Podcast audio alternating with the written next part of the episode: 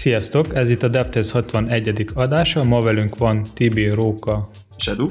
Ez a podcast nem jöhetett volna létre a ShivaForce támogatása nélkül. Ti is tudtak minket támogatni egy vagy több megasztással ismerősétek között. Mi általában a frontend és backend fejlesztésekről, agilitásról és úgy általánosságban a fejlesztői munkával kapcsolatos dolgokról szoktunk beszélgetni. És ebben adásban készítünk sok érdekes rövid hírt.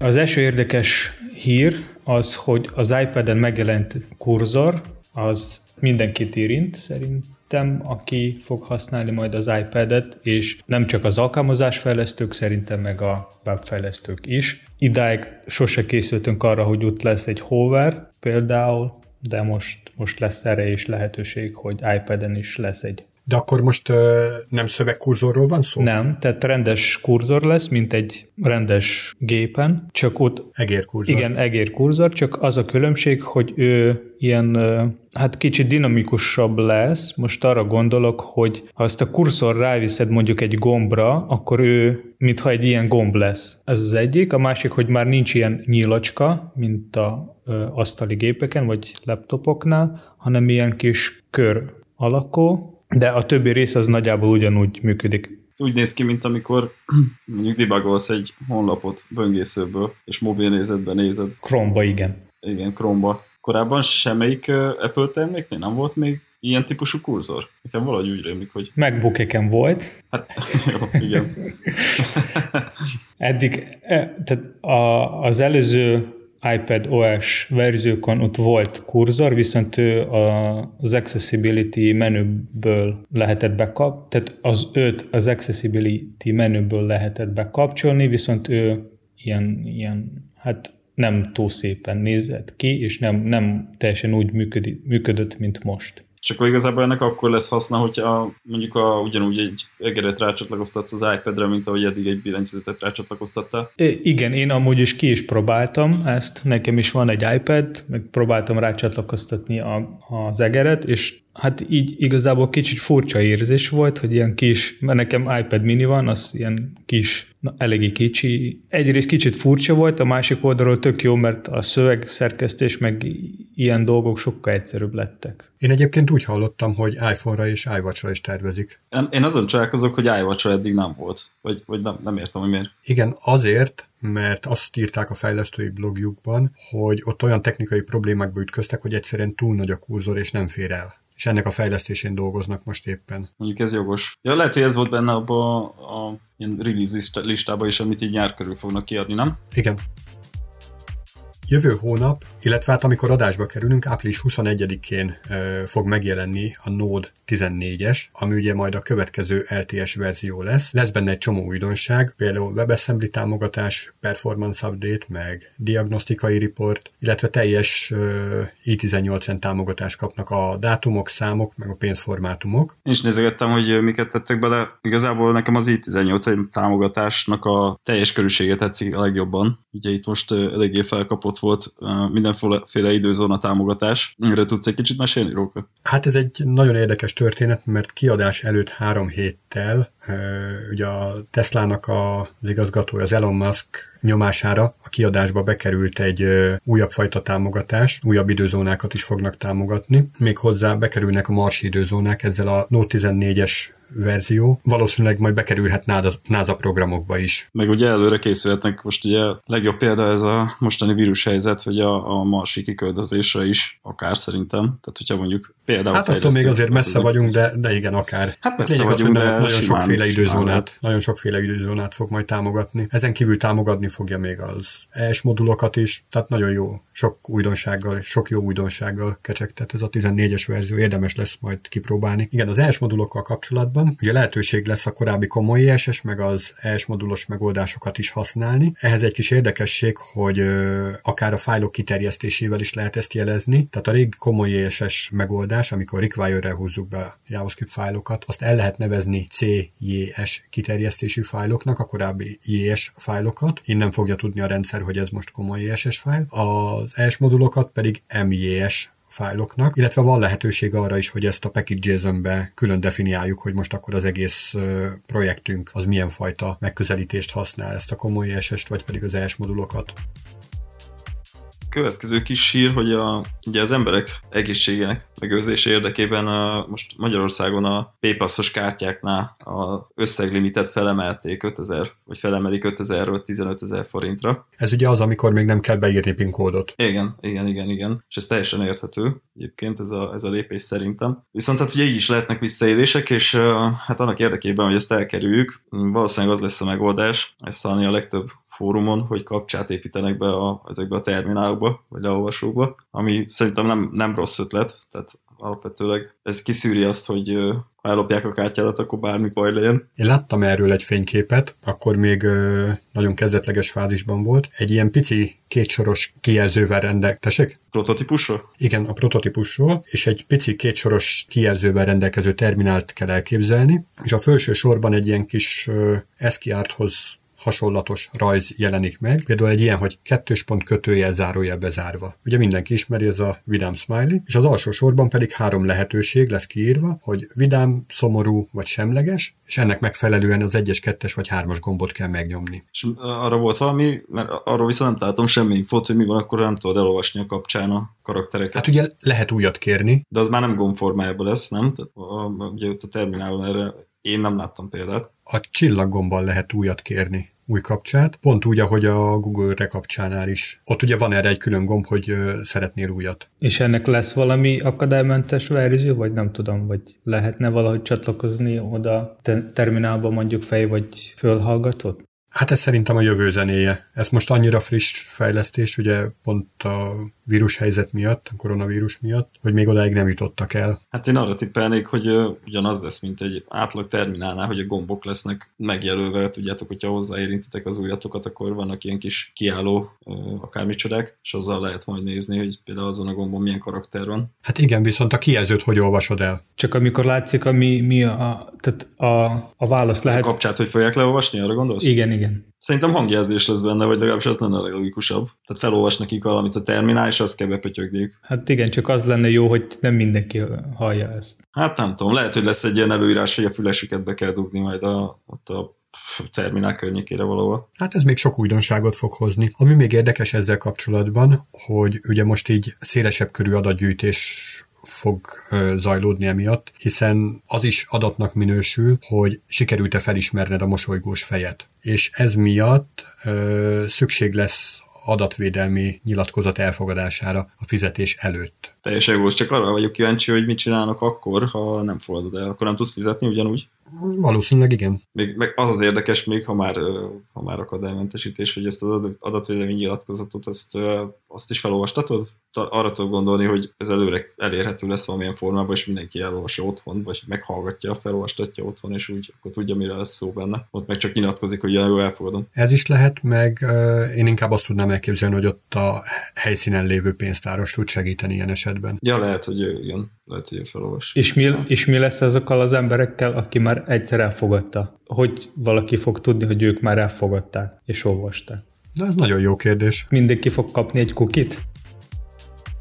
Én már régóta nem használok a Windows, de azért így szoktam figyelni, hogy milyen frissítések jönnek ki. Úgy tudom, hogy a Róka se használ a Windows, de ő is szokta figyelni. Így van, én már jó néhány éve Linuxot használok. Róka, tudsz mesélni most a, az újabb Microsoft vagy a Windows frissítésekről? Egy kicsit? Hát egészen konkrétan egyet szeretnék így kiemelni, ami nagyon megragadta a figyelmemet. Ez pedig a... Hát ugye volt korábban egy olyan frissítés, amikor a Paint-et, a, azt a nagyon kis gagyi rajzprogramot, azt tuningolták föl, és később pedig tették fizetésé. Most úgy látszik, hogy a Microsoft úgy gondolta, hogy a Notepadon a sor. Ugye ez egy szövegszerkesztő, ahova egyszerű szövegfájlokat, formázás nélküli szövegfájlokat lehet vele létrehozni. Na ez kap egy alaposabb ránc felvarrást. És akkor az egyik ilyen első frissítés, az első ilyen feature, az a bekezdés mód lesz. Ez a bekezdés mód, ez azt jelenti, hogy egy ilyen folyószövegben ütsz egy enter, onnantól kezdve az egy bekezdésnek minősül, és a bekezdésnek az első két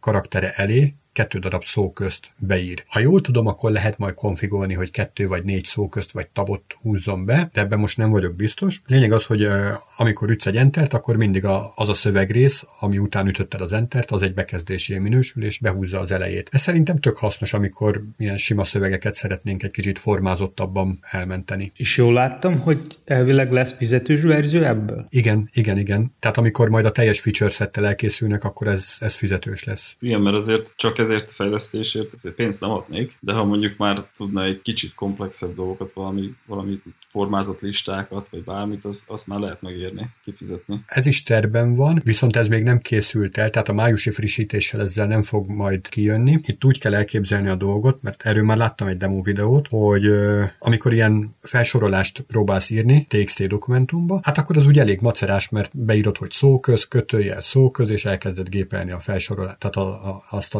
listájtemet, majd utána enter ütsz, és megint a sor elejére ugrott, és írhatod megint a, a bekezdésedet. Na ez fogja megkönnyíteni majd olyan módon, hogyha érzékelte, hogy utoljára egy ilyen felsorolásban voltál, és ütsz egy entert, akkor a következő sorban már előre beírja neked a szóközkötőjel szóközt. Ez tök jó. Tehát egy csomó ilyen hasznos, mindennapi életet könnyítő apróság lesz benne. Ami még érdekes lehet ezzel kapcsolatban, hogy a előbbi cikkben láttam én is, hogy, a, hogy később majd valószínűleg pluginolható lesz, tehát ilyen open source-szerűen, és hozzá lehet írni mindenféle funkciót, ami, ami neked könnyíti az életed, amikor használod a notepad Mármint úgy gondolsz, hogy hasonló lesz, mint a JetBrains-nál, hogy maga a pluginok az mondjuk open source, viszont maga, igen, igen, igen, igen. Viszont maga alkalmazás az fizetős. Igen, igen. Úgyhogy ott onnantól kezdve pedig hát a határa csillagoség, tehát bármit beletehetünk, és lehet, hogy odáig jut el a dolog, hogy, hogy mi fejlesztők el tök jól járunk, mert egyrészt kapunk egy ingyenes, hát kvázi idét, tehát amiben tudunk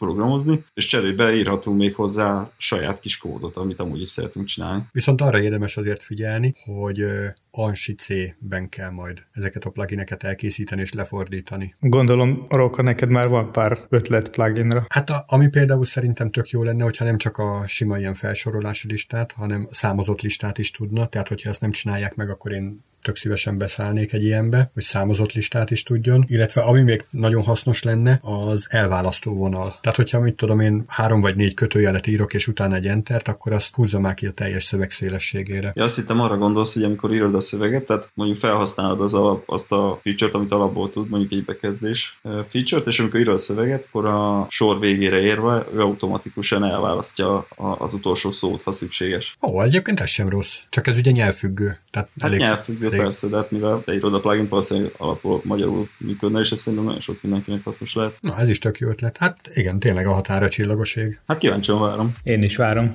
új pluginok is.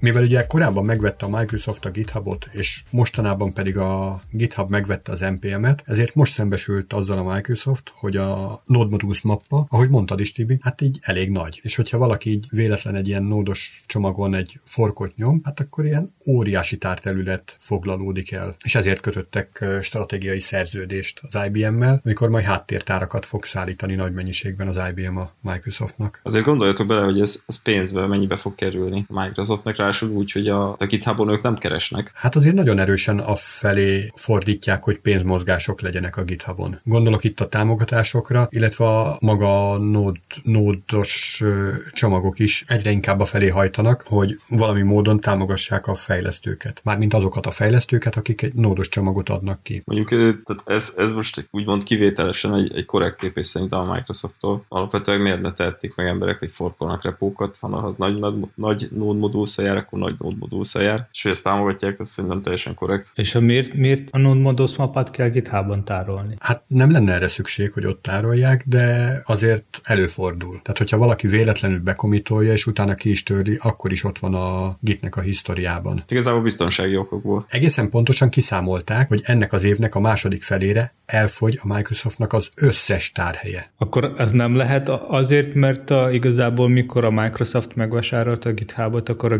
GitHubról lett egy fork, és megmarad még a régi, és így kétszer majdnem ugyanaz foglalja a helyet? Simán előfordulhat. És, és mondtad azt, hogy GitHub megvásárolta az NPM, akkor az NPM-nel most fognak történni valami változások? Vagy? Hát itt uh, igazából egy jó hír van a Windowsos fejlesztőknek, hogy a 9-es uh, verziótól beépített Visual Studio használat lesz benne. Ugye korábban is volt erre lehetőség, hogy nem csak JavaScript nyelven írt fejlesztéseket lehetett feltenni publikusan az NPM-re, és ilyenkor az install során fordult le binárisra, az adott oprendszerre, adott gépre, gépnek megfelelően, viszont most majd előre kell telepíteni a Visual Studio-t, ami igazából itt kérdéses, hogy más oprendszereknek a támogatásáról nem nagyon esett szó. Tehát lehet, hogy ki akarják herélni a Linux és Mac-es rendszereket, használókat. Hát ez most két elég kemény húzás volt tőlük a, ezzel meg a notepad együtt. Igen. A következő Windows verzióknál, a Windows telepítésnál, vagy frissítésnél az lesz, hogy a te gépedre fog felkerülni az összes NPM plugin? Vagy ez hogy lesz? Szerintem csak akkor, hogyha egyébként van NPM telepítve a gépeden, és annak is a 9-es verziója. Vagy lehet, hogy ott lesz egy ilyen kis ilyen pipa, hogy be kell pipálni, és akkor ő akkor fog telepíteni ezeket. Igen, de mondom, tehát én biztos vagyok abban, hogy akkor nem fogja lehúzni az összes Node Modulus a gépedre, hogyha nincsen föltelepítve a 9-es NPM. Jó, de mondjuk az újabb verzió, tehát kijön holnap egy újabb Windows verzió, amelyikben alapból van a 9-es NPM, akkor ő fog alapból telepíteni az összes node Egyébként miért is ne? Gondold el, hogy mekkora nagy sebesség növekedés lenne, amikor, tehát egy tetszőleges projektet lehúzol, és mondod neki, hogy NPM install, akkor úgy azért elszüttyög jó néhány másodpercig. És képzeld el, hogy a Windowsos felhasználók hogy örülnének neki, hogyha nyomnak egy npm instalt, és az gyakorlatilag ott helyi fájrendszeren történne meg. Tehát ilyen másodperc alatti lenne az egész. Ráadásul, Szerintem ez egy nagyon, nagyon jó húzás lenne. Tehát ráadásul felpörögne a tárhely biznisz is, mármint hogy ugye a hétköznapi felhasználóknak a gépén is elfújna hamarabb a hely, és ezzel meg megint csak az IBM járna jól. Tehát ez valószínűleg kettőjüknek a kooperációjából indulhatott ez az egész, hogy mindenki jól járjon. Hát persze, de nem akarunk közösküvés elméleteket szőni, tehát ez közel sem biztos, meg ugye nem muszáj IBM-es háttértárolót venned. Ez igaz. És amúgy a, a frissítés úgy automatikus lesz, vagy hogy mikor kijön egy újabb NPM vagy Node modul, akkor ez hogy fog frissülni? Ó igen, a 9-es NPM-be terveznek, ugye van egy csomó jelölő, amivel lehet jelölni, hogy milyen verziós csomagot szeretnél használni. És alapbeállításként a leggyakoribb beállítás az, amikor egy ilyen kis, kis kalapjel van, az ugye azt jelenti, hogy a főverzió verziót nem léphet fölfele, viszont az adott verziótól a fő verzión belül fölfele léphet alverziókat vagy bugfix verziókat. Ugye itt fontos a szemantikus verziózásnak a használata. És a 9-es NPM-be bekerül ennek a fordítottja is a, a lefele álló kis kalapjel, amikor azt tudod maximalizálni, hogy milyen verzióig szeretnéd használni az adott csomagot. Tehát, hogyha visszamenőleg mondjuk használod a 3.1.5-ös verziót valamiből, és azt mondod, hogy ez a maximum, mert tudod, hogy a 3.1.6-ba már elrontottak valamit, viszont visszamenőleg kiderül, hogy kiadnak valamilyen újabb, újabb javításokat tartalmazó, de régebbi verzióval rendelkező csomagot, akkor erre is lesz lehetőség, hogy ezt automatikusan használd. Tehát ilyen módon tud automatikusan is működni. De még arra gondolok, hogy a, maga a Windows is fog pingelni a, az NPM registry, hogy van-e frissítés, vagy újabb node modul? Hát ez a szokásos Windows frissítő keddel együtt. Tehát a, a keddenként esedékes Windowsos frissítő csomagnak a része lesz az a metainformáció, hogy milyen node modulok frissültek. És ha nyomsz egy frissítés gomb, akkor gondolom, hogy újra kell indítani a gépet, hogy ahhoz, hogy látszódjanak az a frissült vagy újabb modulok. Persze. Következő hír a Facebookkal kapcsolatos. Csináltak egy kis faceliftet rajta, illetve lett ö, sötét téma is, vagy dark téma is rajta, amit a felhasználók most már elérhetnek, és nyomkodhatják. Az egész kinézete egy kicsit szellősebb lett, meg modernebb, már amennyire hozzá tudtak ugye nyúlni a gondolom régi kódbázishoz. Kipróbáltátok már, nyomkodtátok már? Több kollégánál már láttam, hogy van ilyen, de nálam még valamiért nem, nem jelent még. Igen, ugye ez nem minden felhasználónál, nem mindenkinél egyszerre jelenítik meg. Nálam pont megjelent most valamelyik nap, nem is olyan régen, ilyen két-három nappal ezelőtt, és hát én ugyan átváltottam erre az faceliftes verzióra. A sötét témát azt nem próbáltam ki, mert annyira az nekem nem jött be. Hát tényleg valóban sokkal szellősebb, igazából most már Full HD monitoron is így kitölti az egész képernyőt, tehát ilyen szempontból sokkal jobb lett, viszont vannak még benne bugok, tehát nem véletlen, hogy nem akarják ezt terjeszteni mindenkire kötelező érvényűen. Olyan bugra gondolok, hogy például az egyes megjelenő kis, nem tudom mik ezek, ilyen dobozok fölött van ugye ilyen három, három pöttyös almenü, amivel lehet azzal a dobozzal műveleteket végezni, hogy szeretném elrejteni, vagy ilyen-olyan műveletet még végezni vele. Na az például teljesen elrontja a scrollbar működését. Tehát ilyen apróságok azért még vannak benne. Egyébként azt nézem, hogy a, a kinézet, vagy azt néztem, hogy a kinézet az, az a Messengerre hasonlít. Ugye a Messenger-t is meg tudod nyitni külön ablakba, és annak már az hasonló volt a megjelenése, most már Facebook is ezek szerint átvette ezt a megjelenést. Tibi, te próbáltad ezt a sötét témát? Igen, kipróbáltam egyébként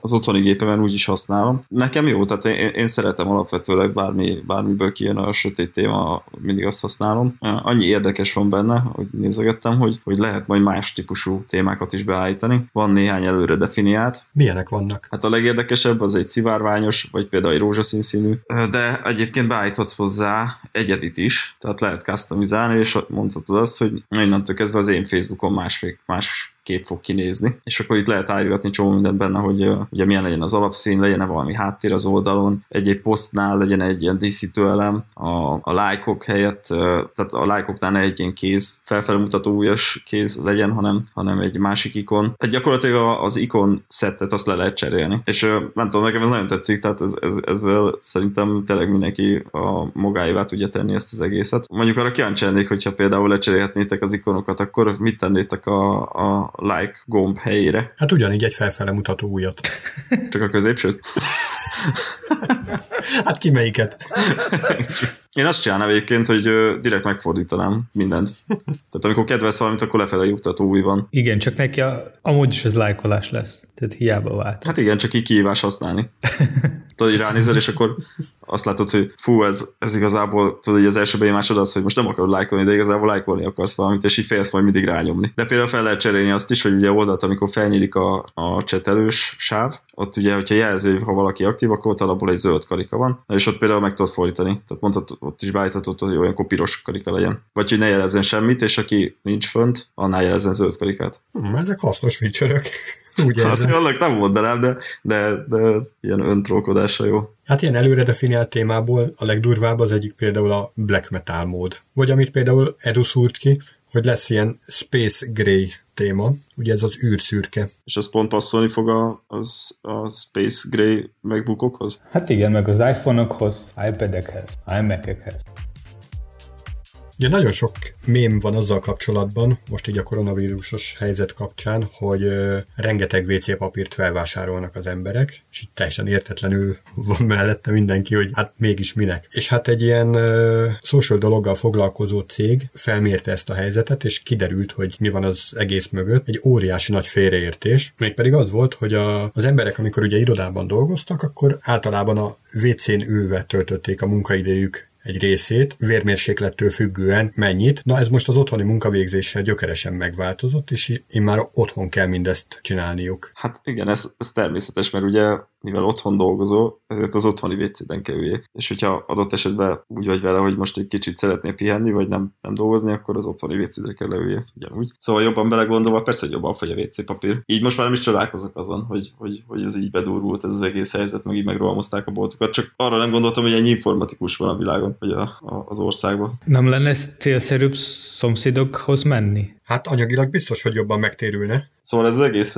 nevetségesnek tűnhet, de azért az élelmesebb emberek már meg is lovagolták a témát, és például Kickstarteren van már fönn erre kezdeményezés, hogy gyakorlatilag WC papírt le- lehet venni, csak speciális WC papírt, és vannak különböző csomagok. Ez kifejezetten informatikusoknak vagy IT-seknek szól, és uh, ugye azt szerint tudsz venni a csomagot, hogy te mondjuk milyen szintű fejlesztő vagy. Ugye lehet venni junior, senior, vagy, vagy még, még haladóbb típusú csomagot, és... Uh, expert. Expert, és uh, ennek uh, megfelelően találsz benne WC papírokat. És ezeken a WC papírokon, tehát magán a papíron ugye különböző ilyen oktatási anyagok vannak, amik uh, hát programozással kapcsolatosak. Egyidejűleg tudsz uh, tanulni is. Úgy kell képzelni, hogy lesz mondjuk JavaScript-es, meg Python, meg Golang, meg Dockeres. Igen, igen, igen, igen. Van egy ilyen csoportosítási szint, és, és emellett még van ugye haladó, középhaladó, kezdő, tehát ilyen, ilyen szintek. Tehát mondjuk kezdő JavaScript-esnek, meg senior JavaScript-es vagy. Igen, és framework szerint is lehet venni, tehát mondjuk attól függően, hogy te most angulározni szeretnél, vagy views szeretnél, tudod választani, hogy milyen PC papírcsomagot vásárolj. Ez szerintem nagyon praktikus.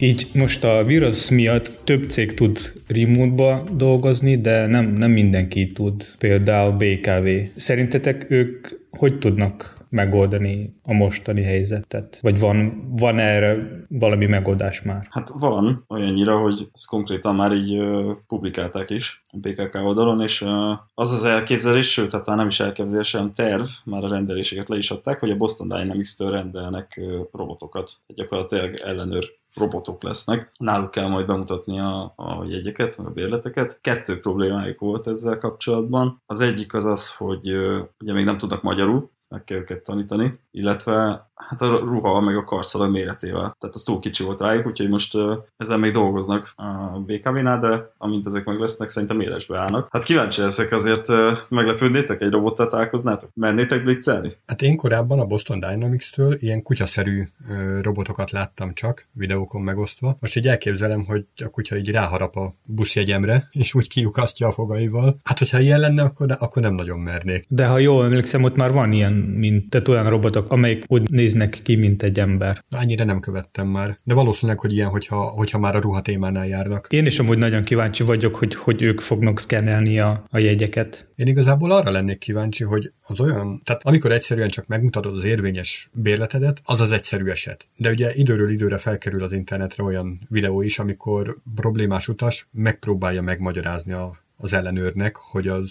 ő tavaly nyáron érvényesített jegye az még érvényes, de hogy az ilyen eseteket hogy fogják kezelni? Hát ott szerintem egész egyszerűen nem fog tudni átmenni. Mert ugye, mivel robotról beszélünk, bemutatod neki a jegyedet, vagy béletedet, vagyis hát beszkenelteted gyakorlatilag. Ő már rögtön meg tudja állapítani, ez most tavalyi, vagy nem tavalyi, vagy érvényes, vagy nem érvényes. Úgyhogy maga az eljárás lesz érdekes, és erről nem tudtam még olvasni, vagy legalábbis erről nem írtak, hogy, a, hogy mi van akkor, ha valaki mondjuk ennek ellenére is megpróbál átjutni. Mit meddig terjedhet ki a, egy ilyen robotnak a, az intézkedése? Gondolom nem állíthatja meg, nem rúghatja meg, vagy bármit nem csinálhat vele. Valahogy majd lehet, hogy a rendőrséggel is, vagy a polgárőrséggel is össze kell kötni őket. Szinte biztos. Én ezt amúgy úgy elképzelném, hogy a robot folyamatosan fog követni ezt az embert, amíg nem fog jönni hozzá a rendőrség. Tehát, hogy elmegy haza, akkor ott a ház mellé lesz a, a robot állni, várni. És a végén összegyűjtik az embereket? Hát, valami, van? hát a végén valamikor jön egy rendőr, vagy nem tudom, és akkor... De ez egy logikusnak hangzik, és teljesen kivitelezhető. Na jó, hát majd figyeljük a fejleményeket. Ennyi fér bele a mai adásba. Ha esetleg valakinek van bármi visszajelzés vagy ötlet, akkor nyugodtan lehet nekünk írni Facebookon, Twitteren, vagy akár e-mailben. Támogassatok minket egy vagy több megosztással, és hallgassátok minket legközelebb is. Sziasztok! Hello! Sziasztok!